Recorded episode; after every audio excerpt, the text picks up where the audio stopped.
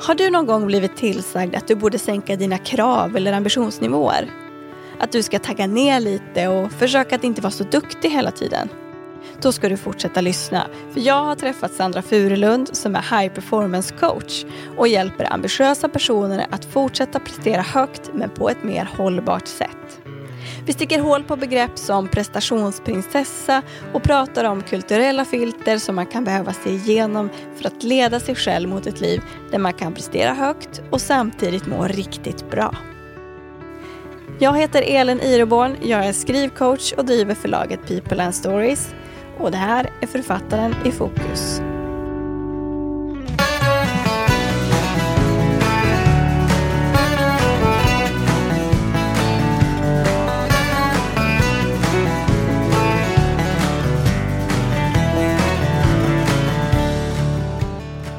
Välkommen Sandra Furulund, aktuell med boken Prestera hållbart utgiven på People and Stories. Tack så mycket. Det är jättekul att vara här. Vad roligt. Eh, och jag tänkte först att du skulle berätta lite. Vem är Sandra Furulund?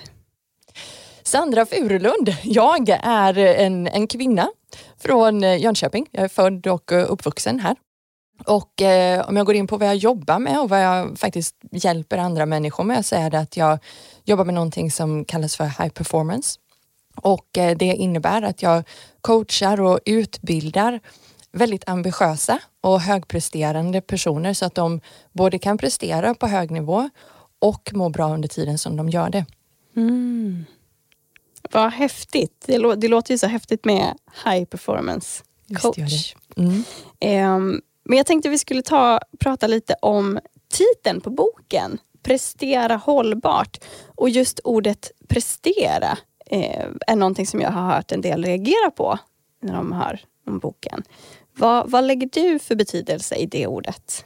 Det är så roligt att du hör människor reagera på ordet prestation, för det är någonting som vi inleder boken med faktiskt. Mm. Eh, det jag lägger i ordet prestation, det är att när vi presterar så är det någonting som vi, som vi utför, som vi gör, som innebär att vi bidrar med någonting. Mm. Att vi faktiskt får använda den här kompetensen och kunskapen som vi har, erfarenheter som vi har med oss. Jag menar att vi sitter här idag nu, mm. det här är ju en prestation. Mm. Du presterar, jag presterar och vi gör skillnad mm. genom den här stunden. Mm. Så ser jag på prestation. Just det. Och vad, vad, tror du det är som folk kan reagera på när de hör det? Alltså, mm, eller för, för det jag har hört då är lite mer så här, oj, nej, men måste jag prestera? Mm. Uh, det, att det blir liksom en så press eller stress. Vad, tror du det kommer ifrån? Jag tror att det, det, kan finnas fler, det finns flera orsaker till det. Det som, det, så utifrån mitt perspektiv och utifrån min, både min personliga och min professionella erfarenhet mm. så ser jag att den reaktionen som uppstår där kommer utifrån att ordet prestation är någonting som de senaste åren ofta nämns i sammanhanget när vi också pratar om stressrelaterad ohälsa. Mm. När vi pratar om att gå in i väggen, eh, att, att bli utbränd, utmattningssyndrom och, och, och många gånger så kanske det inte alltid, kanske inte alltid ordet prestation men, men någonstans är det jobbet mm. eller att vi har jobbat så mycket och sen eh, finns det en hel del sådana här råd som, som, som kan florera som är välmenande. Eh, men där den eh, associationen också blir att du ska akta dig för att prestera för mycket för då kan du bli sjuk. Mm, just det, och, och bokens heter ju då Prestera hållbart. Mm -hmm så, så där blir det nästan en krock då om man har tanken att prestera är någonting som är, som är jobbigt och svårt um, eller med mycket krav och press. Och så kommer ordet hållbarhet in i det. Eh, hur, hur tänkte du kring den kombinationen när du bestämde dig för den titeln? Det är för att jag vet att det går att prestera hållbart. alltså det är så enkelt. Eh, och, och, också utifrån att vad jag vill göra, vad jag vill bidra med med den här boken, det är ett annat perspektiv. Mm. Att se på just prestation och prestation och hälsa. Eh, därför att så utifrån igen min erfarenhet, både den professionella och den personliga, så, så har jag sett och jag ser fortfarande att vi står vid någon slags återvändsgränd när det kommer till hur vi ska minska den stressrelaterade ohälsan. Mm. En eh, del i den återvändsgränden som jag ser är just det här att vi försöker, vi försöker fortfarande eh, få det till att vi ska minska stress och kopplat då till om man har den här bilden av att ja, men det är jobbet som är det stora problemet eller det är prestationen som är det stora problemet och så är det där vi ska försöka göra mindre. Mm. Det är inte alltid där lösningen finns skulle jag säga. Särskilt inte för människor som den här boken är skriven för. För den är ju inte skriven för eh, en, en, allmänhet utan den är faktiskt skriven för oss, säger jag för att jag ingår i den gruppen. För oss som, som tar för givet att vi vill göra vårt bästa. Vi är ambitiösa, vi är högpresterande. Mm. Om vi börjar försöka eh, sluta prestera så börjar vi tumma på någonting som, ja, som faktiskt finns i oss. Mm. Och när det då kommer till hur vi kan prestera hållbart mm. så finns det ju ett annat sätt att se på det och det handlar om att titta på dels så som du inledde här nu med att säga vad är prestation egentligen? Mm. Eh, och också titta på istället för att kanske hålla kvar vid den där associationen att prestation är någonting som, som stressar mig eller blir ett krav. Att våga öppna upp och titta på, okej okay, vad handlar det om egentligen? Mm. Okej, okay, så att om man då är, känner sig ambitiös och driven och vill bidra, vill göra bra saker. Jag identifierar mig också väldigt mycket med, med den kategorin.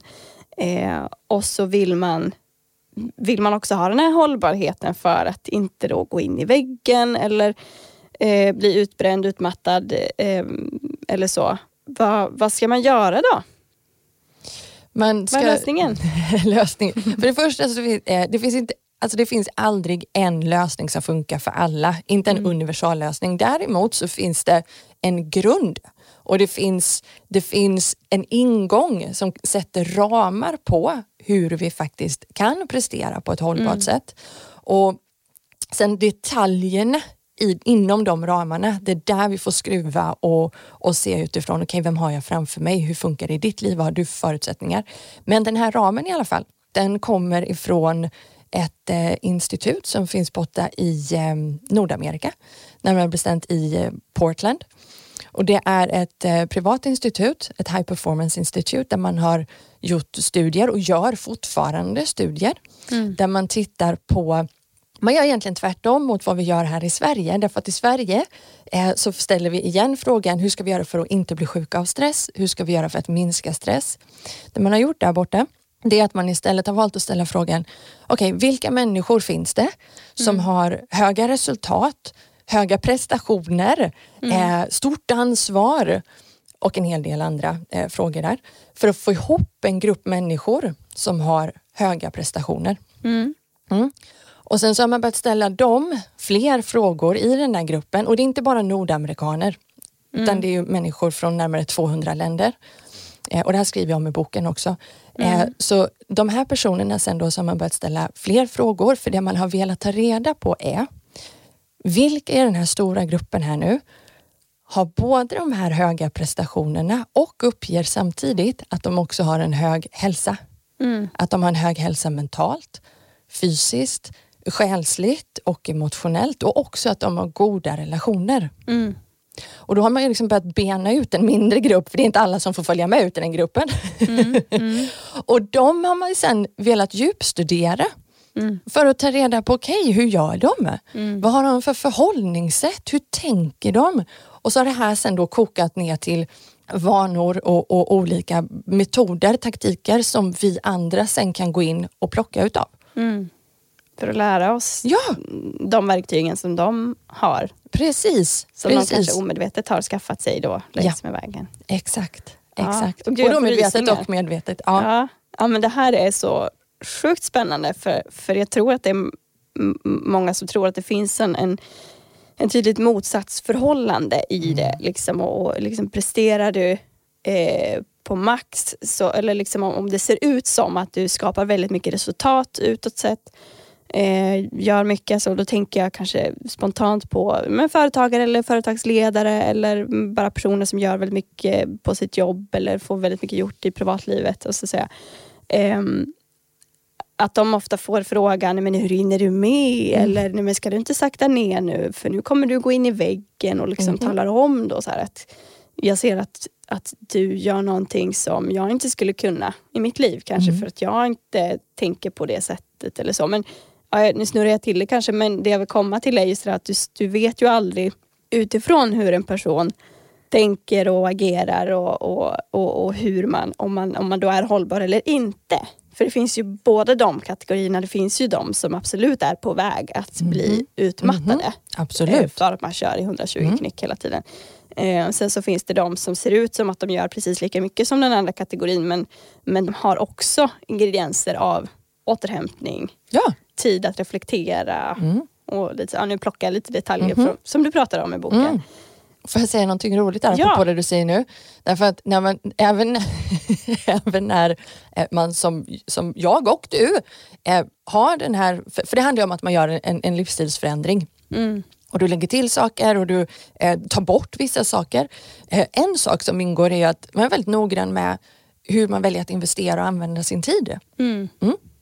Vilket innebär att, som du var inne på, planering är en stor del av det här. Och reflektion. Och det handlar ju inte om att planera upp sitt liv liksom i, i, i, från klockan sex på morgonen till klockan 22 på kvällen och bara vara helt bokad. Utan tvärtom att vara medveten om hur väljer jag att använda mina dagar, hur ser mina månader ut, vad har jag för typ av eh, aktiviteter den här dagen och vad behöver jag då för form av återhämtning?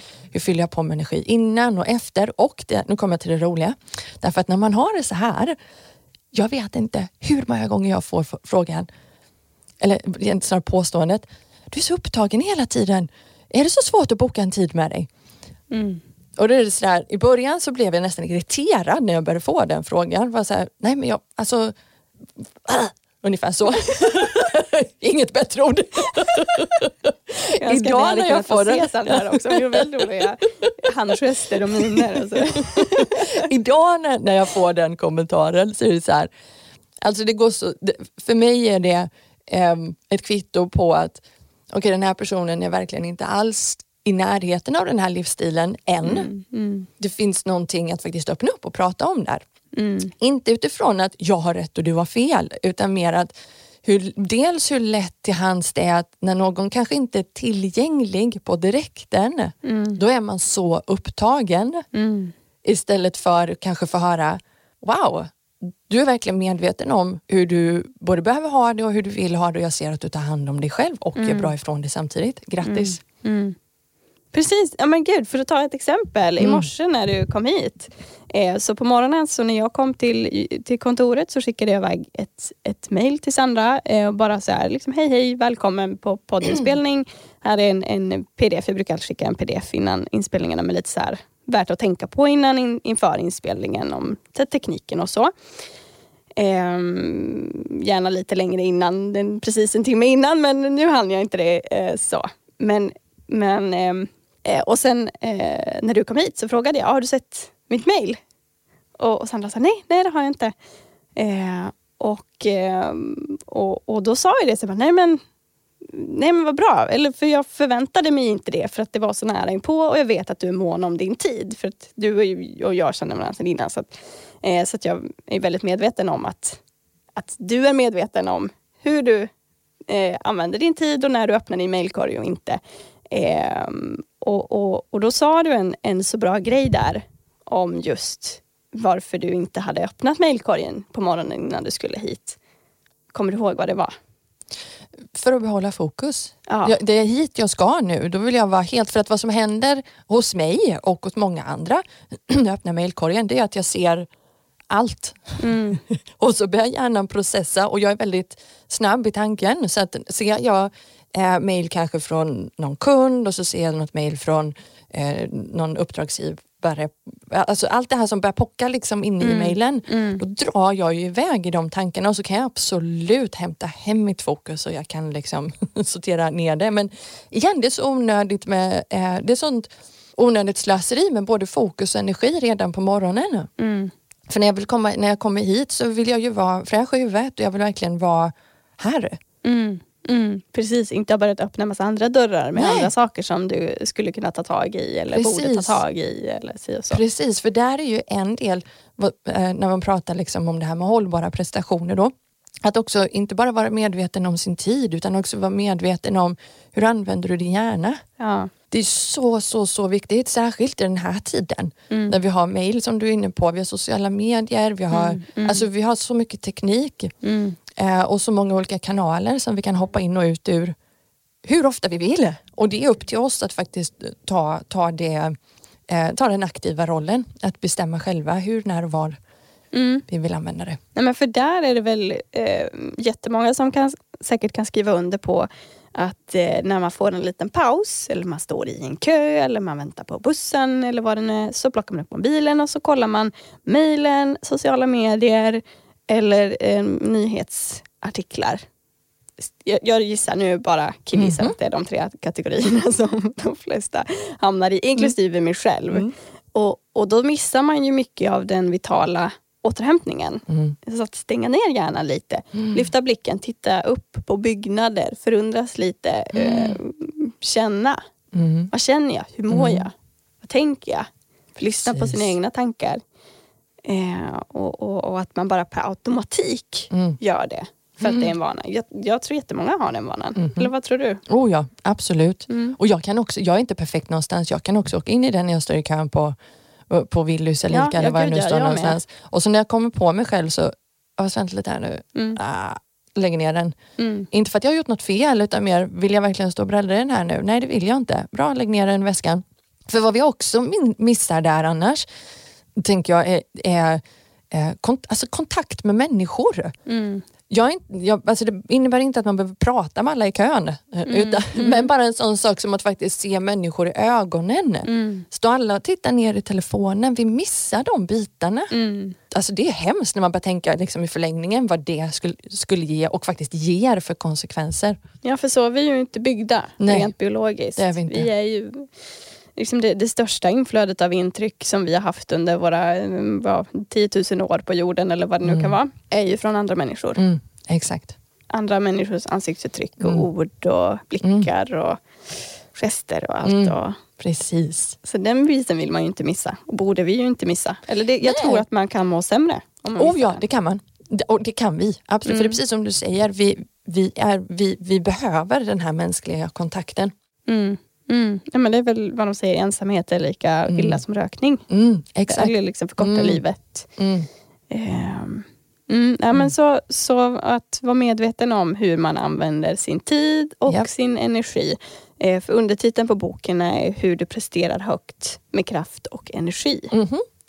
Och det är väl det som blir då den här håll, hållbara delen i det hela, eller? Det är det absolut. Och då när vi tittar på det hållbara där så handlar det ju också om, igen, boken är skriven för ambitiösa människor och vi, alltså vi vill ju göra bra ifrån oss. Vi vill ju det för vi vet att vi kan. Mm. Och inte bara för att vi vet att vi kan utan också för att vi, alltså vi, vi går igång på den utmaningen. Mm.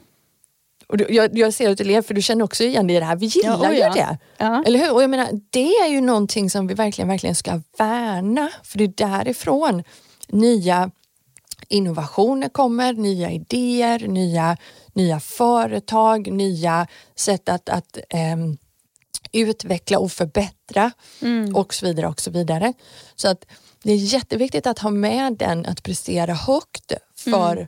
oss som den målgruppen. För att om vi bara läser, jag tror det var du som, som eh, hjälpte mig att förstå det här när vi jobbade med boken, eller som gav den liksom, just det, det är därför inte klingar så rätt i mina öron. För först såg jag ju bara prestera hållbart. Mm. Det var så här, ja, ja, ja, det låter ju trevligt men det är ju inte riktigt det den handlar om. Mm. Och då insåg jag just det för att bara prestera hållbart, då låter det som att, igen, prestera på lite lagom nivå eller liksom gör lite Mm. mindre. Mm. Men när vi lägger till att det faktiskt handlar om att du presterar högt med kraft och energi, Mm. blir någonting helt annat.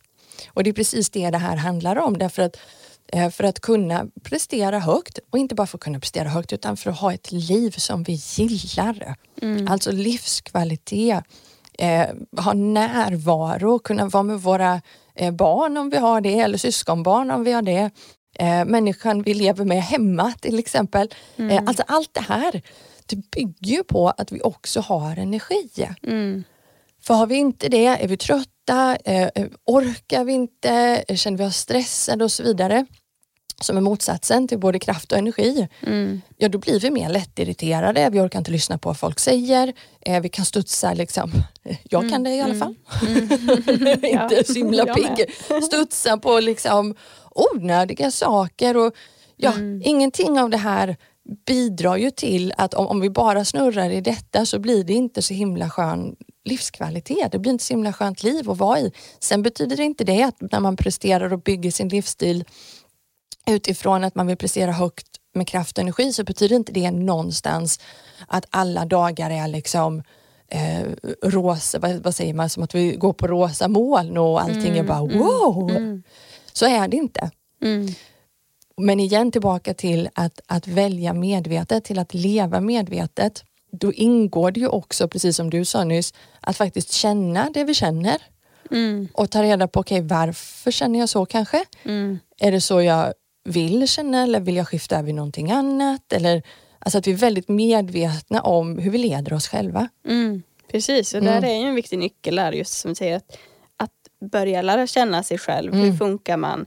Vilken typ av aktivitet kan jag lägga efter en annan aktivitet? Ja, exakt. Ehm, jag minns du sa till mig någon gång att men när jag har en föreläsning Mm. inbokad så vet jag att jag måste avsätta, jag kommer inte ihåg exakt vad det var, men hela dagen före, Mm. tror jag. Mm. Som är liksom tom från kundmöten och, och annat. Och Mm. liksom att, där du kan hämta hem den energin som du sen behöver för att kunna eh, prestera högt på föreläsningen och att sen eh, var det då även dagen efter föreläsningen? Eller? Då var det det när jag berättade. Det är det inte längre. Det har faktiskt blivit bättre. om Ja, jag får, det. Ja, men, ja, så kan det ju vara också liksom, Mm. i livet. Att man då utvecklas eller eh, förändras Ja. på olika sätt. Eller situationen i livet förändras. Eller plötsligt så kanske någonting inte tar lika mycket energi längre. Ja, Jag kan ju säga det. som, som med, med, med, med podden exempelvis. Mhm.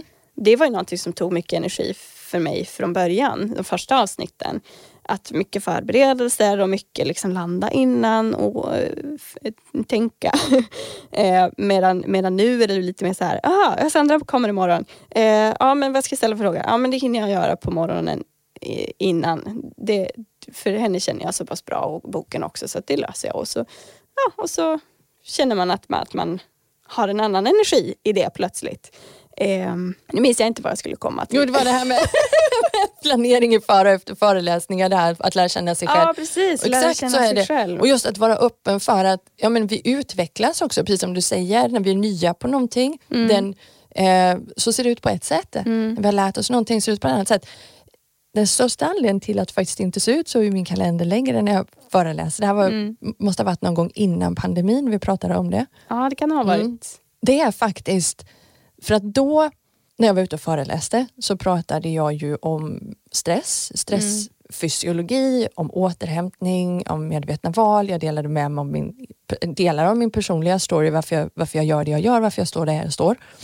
Ehm, vad jag in, det visste jag inte då, men vad jag har insett under pandemin och även efteråt, för jag utvecklas också personligen hela tiden, det är att en orsak till att det faktiskt tog väldigt mycket energi av mig att föreläsa var egentligen inte själva föreläsandet i sig, utan det var, vilket jag också skriver om i den här boken, du vet det här skavet någonstans. Mm. Jag sa ju inte allt jag ville säga på de där föreläsningarna. Jag stod och höll eh, jättebra föreläsning, väldigt eh, informativ om jag ska s- sätta ett ord på det med att så här fungerar vi, så här fungerar kroppen vid stress, så här, varför, det här är anledningen till att vi behöver återhämtning, jättebra råd, jättebra eh, råd för att minska onödiga stresspåslag. Men i mitt huvud i, pågick hela tiden, okej jag får akta mig för att inte riktigt säga, alltså jag, behöver, jag kände att jag behövde hålla den här balansen mellan att, alltså att jag fick inte gå över att verkligen säga, okej men du som person har faktiskt ett, du har det största ansvaret här. finns ingen annan som kan göra det här än du. Det vågade jag inte säga på föreläsningarna för jag var så rädd faktiskt för vad som skulle hända i rummet då. Och det har att göra med, idag kan jag säga det utan problem för jag, vet, alltså det visste, jag, jag visste att det var så redan då men jag vågade inte säga det. Eh, och en anledning till det är igen om man tittar hur, hur vi pratar om stress i det här fallet, eller prestationer, stressrelaterad ohälsa, så är det ju också många gånger så att vi hänvisar till arbetsgivarens ansvar och den har ett jättestort ansvar. Eh, och det är jätteviktigt hur arbetsmiljön fungerar. Det är jätteviktigt att vi har det bra på jobbet, att vi känner oss trygga, att vi får, får utlopp och, och, och förtroende för det vi faktiskt är där för att göra. Jag säger ingenting annat. Mm. Men fällan blir också att vi någonstans kan gå runt och tänka, jag gjorde det en gång i, i tiden, eh, att tänka att det är någon annan Mm. som ska ta tag i att jag inte mår bra. Det är någon annan som ska ta tag i att jag har för mycket att göra. Det är någon annan som ska ta tag i att jag inte känner att jag har tid med mig själv efter jobbet. Mm. Och jag är ledsen men den där någon, någon annan kommer aldrig att komma. Det är Mm. du och ingen annan och det vågade jag inte säga på scenen. Mm. Alls. Sen när jag började prata utifrån den här punkten istället som faktiskt kom under pandemin Mm. och, och börja utgå från att prata om den här aktiva rollen, skriva den här boken. Alltså idag, en, en föreläsning drar nästan ingenting för mig. Mm. Och det är det coola, igen när vi kommer kollar på det här med prestationer, att det handlar inte bara om återhämtning, om planering, om hur du använder din tid. Reflektionen och att vara öppen för att utvecklas och lyssna efter vad, vad är det egentligen som pågår här inne i huvudet Mm. Mm. och i känslorna för att kunna också få fatt i sånt som faktiskt gör att vi eh, läcker energi i onödan och som kanske Mm. gör att vi inte riktigt vågar säga vad vi tycker och tänker. Alltid. För sånt drar också energi och sånt håller oss, vi håller inte oss, bara oss själva tillbaka i det utan också någonting som påverkar eh, hur, hur vi mår här inne. Mm, mm. Nej, men för, och jag tror att det är superlätt att jämföra sig med andra. Mm. Alltså till exempel om man har ett, eh, ett yrke Mm. som, eh, eh, ta ett, ett exempel som många kanske kan relatera till. Du är ett kassabiträde. Mm. Du står och hälsar på människor hela dagen som du inte känner oftast. Eh, och och liksom man behöver ha ett socialt bemötande. Och så känner man sig kanske då att man är väldigt dränerad när man kommer hem efter jobbet. Eh, och, och så tittar man på sina kollegor som inte alls verkar lika dränerade. Och så tänker man att men, ah, jag, jag ska också vara så där ärtig och, och härlig mm, jämt som de är. Mhm. Eh, vi gör ju samma yrke, vi jobbar lika länge, vi är samma ålder kanske. Eh, och, och så känner man bara ändå att man, att man försöker liksom leva upp till det men, men man kan inte riktigt det. Eller man, så. Men att där kunna ställa sig frågan, börja reflektera. Det, är det här jag ska vara? Mm. Är det här en roll som passar mig? Det kanske tar mer energi för mig att stå och vara trevlig mot människor hela dagen än vad det gör för en annan person som har en annan eh, fysiologi eller läggning eller erfarenheter eller vad det kan vara. Personlighetstyp. eller Personlighetstyp. Ja. Precis, ja det var det jag menade med Mm. läggning. Ehm, att, vi, att vi helt enkelt är olika Mm. människor. Ja. Att, att det bara den insikten kan göra ganska mycket ja. för att hjälpa Oh, ja. framåt. Oh ja. Och Mm. där är jättespännande. Ibland när jag coachar till exempel, nu menar jag inte på något sätt att dra in ålder, bara för att dra in ålder, men just det du säger är så viktigt. Ibland, jag kan coacha människor som är 50 plus Mm. och som börjar upptäcka att, aha, jag är faktiskt har introverthet i mig. Har jag Mm. inte en susning om. Har aldrig hört talas om det begreppet tidigare. Eller har det drag av högkänslighet i mig. Mm. Och helt plötsligt så bara ser man liksom hur ögonen lyser upp och hur alla liksom ding, Ja. ding, ding, ding, ding, ding, ding och polletterna trillar ner. För helt plötsligt så bara, det är därför jag blir så trött i de här och de här sammanhangen. Som liknar det du s- säger, alltså i, i stora möten eller konferenser och så är man helt slut på kvällen. Och kanske liksom tänker någonstans som alla andra orkar ju gå ner och gå ett paven och så tvingar man sig ner dit liksom. Och sen så är man helt däckad när man kommer hem, inte bara av alkoholen utan för att man är så trött liksom. Eh, och så helt plötsligt när man faktiskt ser dem Mm. eh, delarna. Och varför jag drog in åldern är just det här att det finns så många som går så länge i det här mm. i onödan. Mm. Så att redan alltså, ju, ju, vid, vid ju, ju tidigare ålder vi kan Mm. börja hjälpa människor att ta sig in i det här sättet att faktiskt tänka, precis som du säger, att välja inifrån och ut, att inte bara gå på det ser ut som att det är ungefär så här man ska göra utan Mm. gå in i sina värderingar, titta på vad är, det jag, vad är det för person jag faktiskt är? Mm. Vad tycker jag är roligt? Vad tar min energi? Vad ger mig energi? Och så välja eh, både vad heter det, profession och utbildning och, och, och, och de här vägvalen som vi har hela tiden i livet. Eh, att ha med de ingredienserna där. Det betyder mm. inte att vi är låsta på något sätt eller att vi inte kan utvecklas. Men jag är väldigt introvert hatade, alltså verkligen hatade att stå på scen, eh, du vet mm. när man redovisar i skolan. Mm.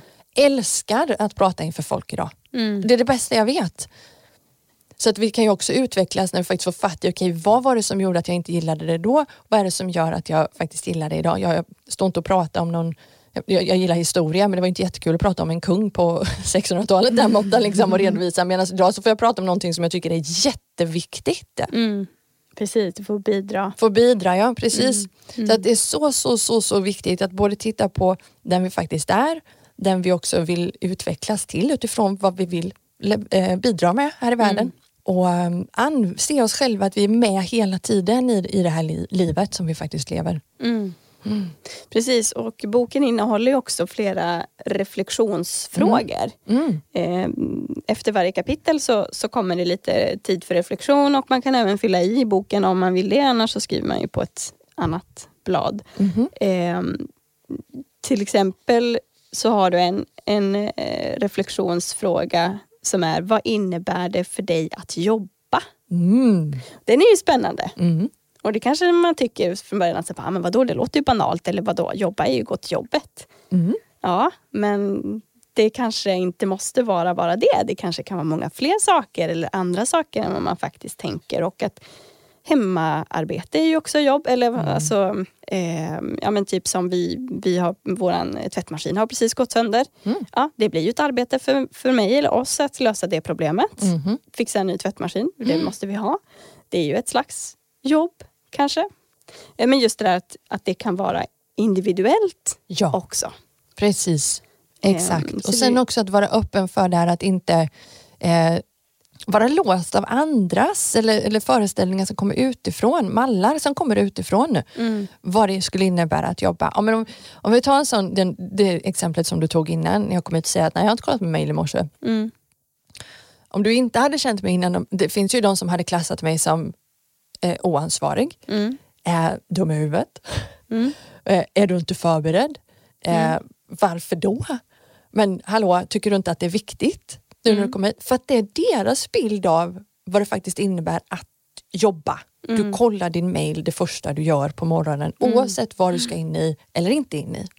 Igen, ingenting, inget rätt eller fel utan bara det här, var medveten om vad vi bär på för typ utav, eh, för typ utav bild av vad det innebär. Att mm. jobba är så, så, så, så viktigt. Jag hade ju också den innan. Mm. Eh, särskilt när jag var anställd. Mailen var det första jag öppnade upp. Mm. Och, och, då börjar ju också det här liksom Gärna att... kanske flera gånger också om dagen oh ja, och svara snabbt på kollegorna och ja, chefen som mejlar. Och... Jag stängde nog aldrig ner den ens. Nej. Den låg ju öppen så att det liksom kom e-post, bing, bing, bing och så mm. ja, var det bara att svara, svara, svara. Och i vissa yrken så har man det behovet. Mm. Alltså där det går ut på att du sitter i en kundsupport till exempel. Mm, mm. Ja då ska du ha mejlen öppen och sitta och mm. svara. Men har du inte det den reflektionsfrågan öppnar ju upp för eh, så många både nya vägar men också sådana vägar som du säkert har tänkt innan men du kanske inte har trampat upp dem ordentligt än. Så att du, så att du medvetet väljer vad, hur du vill lägga upp dina dagar, vad det innebär för dig att jobba under dagarna. Är det att kolla mejlen åtta timmar om dagen? Nej, det är det kanske inte. Det kanske är att faktiskt kolla mejlen eh, två, tre gånger om dagen mm. på tider som passar min, min yrkesroll och verksamheten såklart om du är anställd så att man har de två i synk. Eh, men sen så kanske också att jobba innebär när jag ska vara kreativ så sitter jag inte vid mitt skrivbord utan då går jag ut och tar en promenad. Mm. Och gör vad det är jag ska göra. Bara tänka, kanske inte ens med en papper och penna ut. Mm. Och så mm. kanske någon ser mig klockan 11.00 en måndag och undrar vad gör den här människan ute i skogen? Mm. Eller vad gör den här människan ute? Borde inte hon vara på jobbet? Ja. Då gäller det ju igen att stå trygg i att det är inte på något sätt så att jag smiter från jobbet. Jag är faktiskt ute här och jobbar. Det här är mitt jobb. Ja.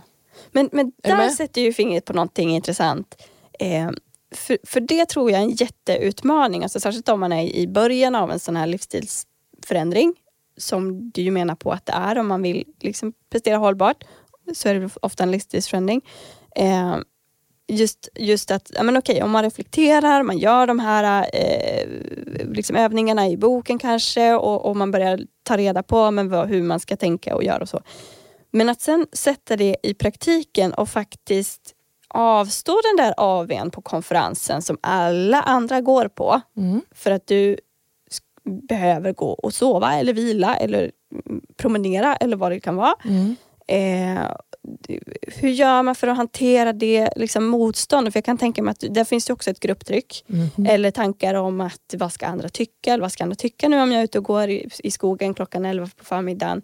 Eh, det ser ut som att jag inte jobbar eller, eller på en arbetsplats. Vad ska folk tänka om jag eh, tar en paus, ställer mig upp, rör på mig lite, går på toaletten varje timme? Eh, vad ska folk tänka att jag inte sitter framför min dator och knapprar med fingrarna? Liksom? Mhm. Hur hanterar man det? Där behöver vi ju våga gå steget längre än vad vi kanske är vana vid att göra. Det vill säga, vi behöver faktiskt lyssna efter vad är det som händer i våra tankar och vad är det vi känner. Eh, ta, ta det exemplet då på eh, på eh, promenaden i skogen. Om nå- eller nej, jag tar ett, ett verkligt exempel, för det finns verkliga exempel från mitt eget liv, inte kunders utan från mitt eget liv.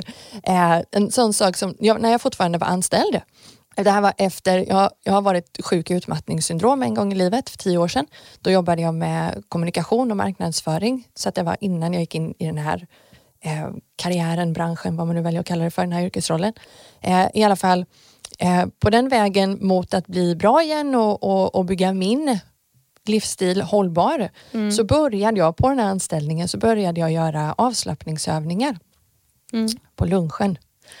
Mm, vilket i sin tur innebar att jag hade en, eh, för det första en yogamatta inne på kontoret. Jag hade kontor som var eh, du vet med så stora glaspartier ut mot en stor korridor där det både passerade kollegor och kunder. Eh, och så stod det en yogamatta där inne. Det var rätt ofta jag fick frågor om varför har du en yogamatta inne på ditt kontor? Det var det första. Eh, då, när jag väl skulle rulla ut den där på lunchen och lägga mig ner och lyssna på en, en, guidad, en guidad avslappningsövning eller meditation och låg där 10 10-15 minuter i början, de första gångerna. Nej, det var ju inte avslappning kan jag ju säga. Utan det var ju, vad ska de tycka om, tänk om det är någon som går förbi mig där ute. Tänk om det är någon som ser mig, undrar vad de ska tycka. Alltså, det, eller, eller tänk om det är någon som behöver mig just nu. Alltså det var så Ja, mycket ja. rädslor. Mm. Och det är sånt man behöver vara öppen för att lyssna efter. Och inte tro att det är något fel på en för att vi har det. Mm. För att vi har dem. Vi har alla rädslor och de kan låta på olika sätt och det är ju inte alltid liksom en rädsla som behöver vara att den är livs... Alltså vi hittar på de här rädslorna, tänk om. Mm. Och vad ska andra tycka? Baserat på var vi kommer ifrån, hur vi fungerar etc. etc. Men i vilket fall som helst, hur du han- hanterar det här inom kaninöron är liksom att du behöver igen ta steget längre. Så när du faktiskt agerar, till exempel genom att lägga dig ner på det här golvet på ett kontor med glaspartier utåt, folk ser dig och lägga dig ner och göra en avslappningsövning. Låt inte de där tankarna bli ett hinder.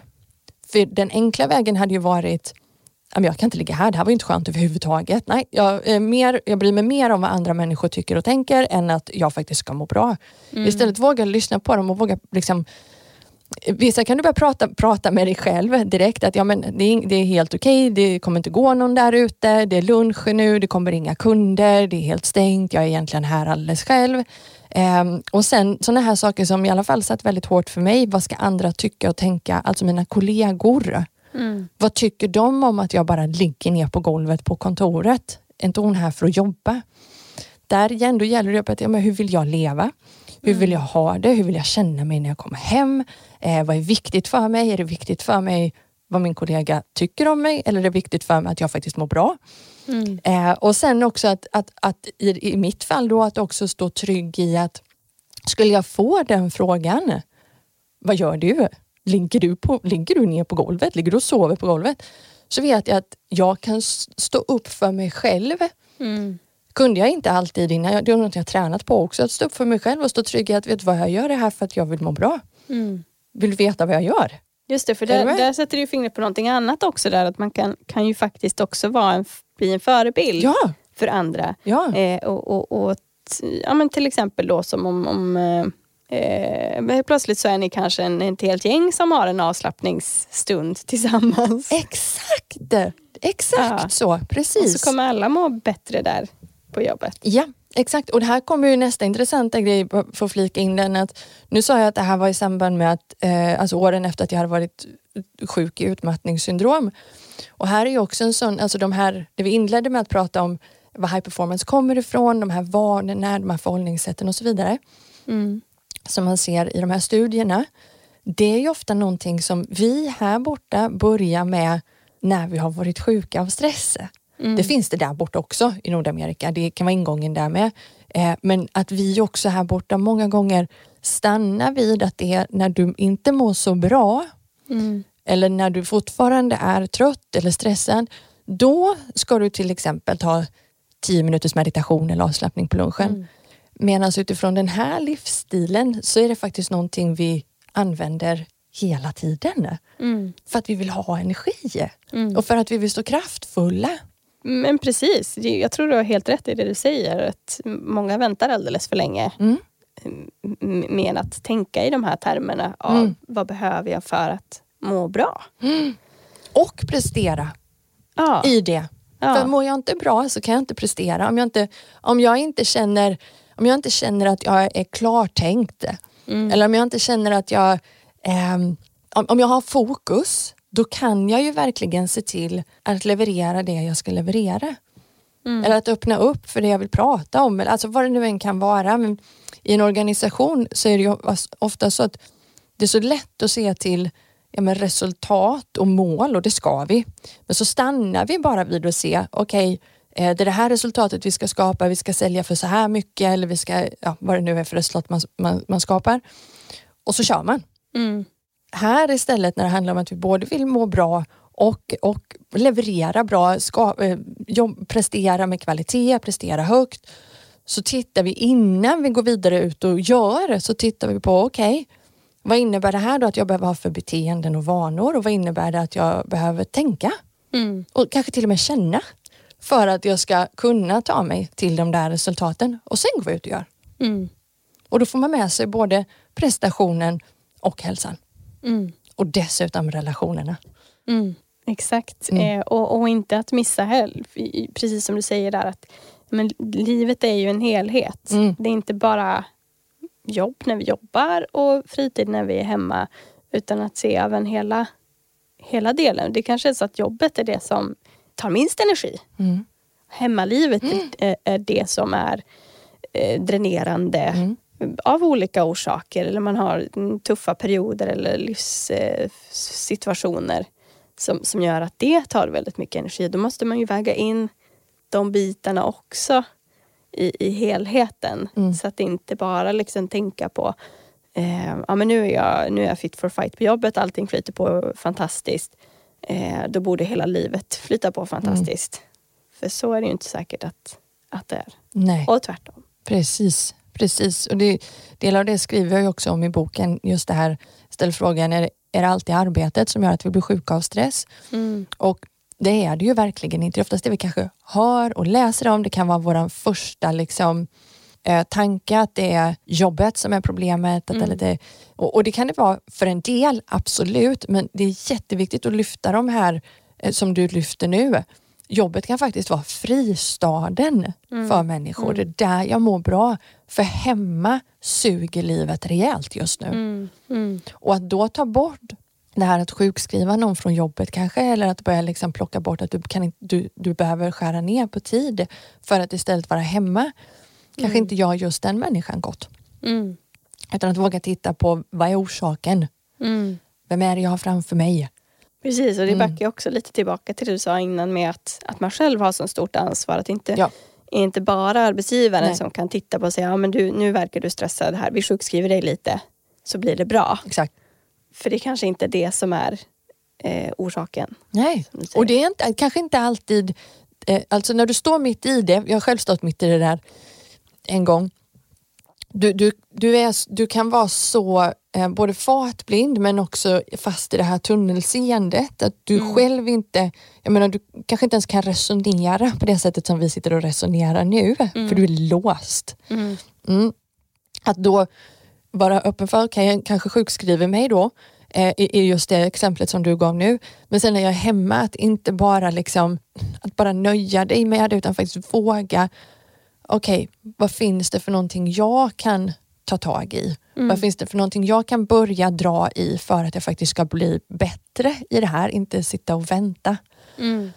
Och då kommer du så småningom kunna, jag menar, jag, första tiden när jag mådde som allra sämst i min utmattning, jag skyllde ju bara på min chef. Tyckte hon var dum i huvudet. Det var, det var, Din chef sa du. Ja, jag tror chef. du sa det själv först. Nej, men, nej, min chef. Min chef. Det, var, alltså, det tänkte jag ju hela tiden. Alltså fattar inte människan hur mycket jag har? Vad fasen håller du på med? Alltså, det var det. Alltså, jag, jag skyllde allt på henne. Tills liksom polett, alltså det började landa lite mer i mig och, och, och jag själv kom ner i varv igen. Ut ur det här tunnelseendet, ut ur fartblindheten, ut ur ilska, ut ur, vad heter det, inte ilska utan Frustration. Frustration, tack. Frustration. Eh, så här, tyckte jag blev orättvist behandlad. Alltså, när jag väl hade landat och, och kunde få distans till de här känslorna så kunde jag ju se så många fler anledningar till Mm. att jag hade mått som jag mådde och att jag mådde som jag gjorde. Och det öppnar ju också upp för så många fler lösningar. Precis. Och det är viktigt. Men det för mig till frågan, vem eller när ska man läsa din bok? När, när kan man liksom vara mottaglig? Eller vad? Den som, eh, om du, om du, så bra fråga. Om du, eh, om du eh, och det här säger jag inte för att provocera eller i, på, på något sätt, men, men om du har tankar som att nej men det är någon annan hela tiden. Alltså i, i princip om du är en offerkofta, nej då är inte den här boken för dig. För du, kommer, du kommer bli mer arg än, än må bra av den. Däremot är du jättevälkommen när du har tagit ut ur den offerkoftan. Så eh, om du är en person som eh, vet med dig någonstans att ja, du kanske har hört från andra eller du kan någonstans själv inse att eh, någonting behöver jag nog göra för att det kanske finns någon form av risk för att jag har lite för mycket eh, och inte bara för mycket i form av att göra utan också ganska mycket tankar som snurrar kanske. Jag börjar känna att jag inte riktigt den, jag är inte li, riktigt lika pigg som jag brukar vara. Kanske känner att energin börjar droppa lite. Det är ena ingången. Eh, och, och den andra ingången skulle jag säga är eh, om, du, om du faktiskt har varit utmattad en gång i tiden. Mm. Mm. Eh, oavsett om det är för en, alltså, hur lång tid eller kort tid sedan den är. Eh, och du vet med dig att du har fått höra sådana här saker som att du ska sänka dina ambitionsnivåer, att du eh, ska prestera på lägre nivå, att du ska göra och bli lite mer lagom, tagga ner. Och så har du liksom upplevt att det där stressar dig mer än att faktiskt, eh, ja, det, det blir inte bra helt enkelt. Du har, inte, du har inte märkt att det här funkar särskilt bra. Nej, men det är ofta svårt att bara stänga av sina ambitioner. Ja, men man kan Hur ju inte man det. Man kan lära sig att fokusera och Ja. välja och prioritera. Men varför ska jag stänga av någonting som finns i mig? Det är ju en drivkraft. Sen betyder inte det att jag behöver gå på aktivitet i den hela tiden. Utan att jag också behöver ge den syre på annat sätt. Mm. Men i alla fall, om du fått höra det, då ska du definitivt läsa den här boken. Mm. För det här är också en sån, eh, som jag ser att vi har trampat snett i, i det här landet. Att vi, eh, vi ger ofta människor som eh, har, har stressrelaterad ohälsa, som har, kanske har gått så långt som till en utmattning. Så ger vi de här människorna i princip ungefär samma lösningar, samma metoder, eh, jättebra saker. Men igen, vi behöver se till vem är det jag har framför mig. Mm. För att om du är ambitiös, precis det vi har pratat om här nu den här stunden. Om du är ambitiös, du ska inte sluta vara det. Mm. Du ska bygga dig själv och din livsstil utifrån att du är det. Mm. Det är då du får en helt annan språngbräda att ta sats ifrån. Och hur vet man att man är ambitiös och driven då? Ja, hur vet man det? Eh, den, och den här är ju så, det är så bra fråga. För att det, det tar vi ju för självklart vi som är det. Det är inte så här som att jag alltid har gått runt i mitt liv och så här, jag är väldigt ambitiös, jag är väldigt driven och jag presterar på hög nivå. Det har jag inte tänkt. Det är, snarare, det är faktiskt snarare så här att i början av min, eh, när, jag började jobba som kommunikatör så fick jag från min första chef höra, du är väldigt ambitiös. Bara så här, vad menar du med det? Mm. Mm. Och sen så jag, liksom, jag frågade faktiskt, vad, men, vad menar du? Och så fick jag exempel. Ja men du, Du, du kommer alltid i tid till jobbet, var en sak till exempel. Du tar Mm. det du ska utföra på, på allvar. Jag ser Mm. att du bryr dig, du är mån om att det ska bli bra. Eh, jag ser att du inte bara sitter och väntar på att någon ska ge dig uppgifter utan du tar faktiskt själv initiativ, du är proaktiv, du är initiativtagande. Du, du ger mig inte någonting som är hastigt, fel, vad heter det, hastigt genomarbetat eller som har en massa slarvfel utan jag ser att det är väl genomarbetat, det du lämnar ifrån dig. Mm. Kan man känna igen sig i det jag säger nu så ja, då har du ett ambitiöst drag i dig. Mm. Helt klart. Eh, Det här med att vara högpresterande och prestera på hög nivå, det kan ju också dra parallellen till att det då, innebär, då skulle det innebära att man alltid haft höga betyg i skolan. Mm. behöver inte alls göra, snarare tvärtom. Det kan det absolut vara om du vet med dig att du, du, du tar för givet att du vill prestera. Eller hur, hur blir det i skolan? Att du, ja, men du, du vill ha, ha bra på proven, du vill, du vill ha eh, eh, alla rätt på proven kanske. Du vill eh, läsa på. Men kanske inte nödvändigtvis för att ha alla rätt på proven utan för att du var intresserad, du ville lära dig, du var nyfiken och sen så fick du typ alla rätt på proven. Mm. Är du med? Mm. Det är den ena. Eh, Men det kan också vara så att det finns människor som jag har mött som är det vi kallar för eh, hö högbegåvade eller särbegåvade i Sverige. De personerna, har, en del av dem som jag har mött i vuxen ålder nu, som, som faktiskt är en del av dem jag coachar ibland, eh, kommer det fram, eh, har, har ju hög intelligens, hög begåvning, men var understimulerade i skolan Mm. och började skolka eller blev bråkstakar inom Mm. situationstecken. Eh, och därmed då gjorde dåligt ifrån sig i skolan. Mm. Gjorde du sån där citationstecken Ja, på dåligt precis. också? Så Exakt, du menar att tack. man inte Ja. fick högsta betygen Du fick inte högsta betyg, du kanske inte finns, fick så himla fina och du kanske typ fick höra vi vet ju att du egentligen kan, varför, är du, varför gör Ja, du inte liksom? Varför, varför anstränger du dig inte? Medan de här barnen då som de var i det här fallet är extremt understimulerade och uttråkade. Jag förstår inte vad jag ska göra här. Jag kan Mm. redan det du pratar om. Mm. Jag satt ofta med de tankarna också men jag var väldigt eh, inlärd i att eh, sitta stilla Mm. som flicka och liksom lyssna och sitta kvar och fråga efter en extra bok och sen så var det en halvtimme kvar på lektionen när extra boken var slut och då var det lite så här, jaha, nej men då sitter jag bara och väntar då. Ja. så, så det behöver inte bara vara kopplat till betyg jag vill komma med det här. Utan eh, googla, läs på. Vad, är, vad, är en, en, en, vad innebär det att prestera högt? Vad innebär det att vara högbegåvad eller särbegåvad? Och känner du igen dig i såna här drag, läs boken också. Eh, känner du igen dig i det så ska du definitivt vara nyfiken på vad finns det för typ utav vägar för dig via den här boken att, Mm. att börja bygga. Mm.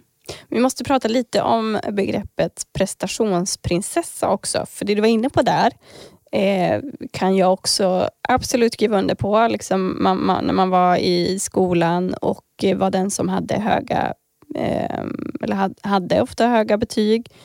Men att det togs ju inte, det var ju inte alltid som det togs emot väl. Jo, av lärarna absolut. De var, de var med Teachers Pet. Men inte av, av eh, klasskamraterna. Utan där kunde det ju snarare vara det där Eh, jag kommer ihåg någon gång när jag inte hade alla rätt på ett matteprov. Så var folk så här, va? Elin hade ett fel! Hon är också mänsklig! Alltså du vet, då blir det nästan så här, du vet, och på, på ett nedvärderande sätt. Mhm. Att man är någonting annat än vad andra är. Mm. Och då eh, kan få gliringar och, och bli kallad för skällsord som eh, plugghäst eller Mm. prestationsprinsessa eller eh, du gör bara det här för att du vill eh, ha uppmärksamhet. Mm. Typ. Men det kände jag ju inte alls igen mig i utan snarare det som du säger här, men det var bara mitt driv. Ja. Jaha, men om man kan lära sig mer då vill jag göra det. Mm. Om man kan få bra betyg då vill jag göra det. Mm. Eh, varför ska jag backa? Ja, exakt. Och det säger ju ganska mycket om vår kultur att vi ens har det begreppet, prestationsprinsessa. Mm. Prestationsprins finns det några män som, som också har, har råkat ut för. Det verkar inte vara lika vanligt som prestationsprinsessa dock. Eh, duktig flicka är ett annat begrepp. Och Det säger ganska mycket om våran, om våran kultur, om vår mil, miljö som vi lever i i det här landet. Mm. Och nu håller jag mig till Sverige för att jag bor i Sverige. Eh, finns säkert liknande även i andra nordiska länder, Skandinavien och, och även fler länder än så. Men jag håller mig till Sverige nu när jag pratar. Eh, jo, det som är så tydligt här tycker jag blir den att, lite det du säger att Alltså det är ju jante någonstans som finns med i de här begreppen. Mm. Du ska ju inte tro att du är bättre än någon annan. Mm. Vem tror du att du är? Det här skriver jag inte i boken men det slår, alltså, den här tänker jag ibland själv att, att, att eh, eh, det är bättre att alla har det lika dåligt eller, än att alla har det lika bra.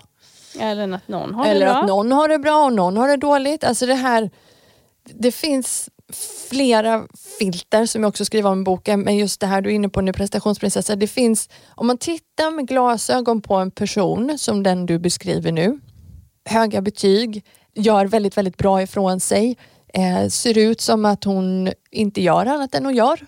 Mm. Så. Mm. Eh, och alltid, det verkar inte finnas något stopp på henne, fast det verkar inte finnas någon hejd på henne. Utan, jag menar, jag tar dig som exempel. Ja, du, du startade eget för några år sedan och så har du, har du liksom inte bara eh, valt att, att vara kvar i, i konsulttjänster och skrivcoachertjänster och de andra tjänsterna som du har utan startat ett nytt, vad heter det, ett nytt eh, förlag heter det. Mm. ett nytt förlag i en bransch som kanske inte är eh, jättevanlig att man startar nytt i. Jag vet inte, nu gissar jag bara. Mm. Eh, och, och en sån sak, om du har glasögonen på dig, vem tror du att du är? Mm. Får man verkligen vara bättre än någon annan?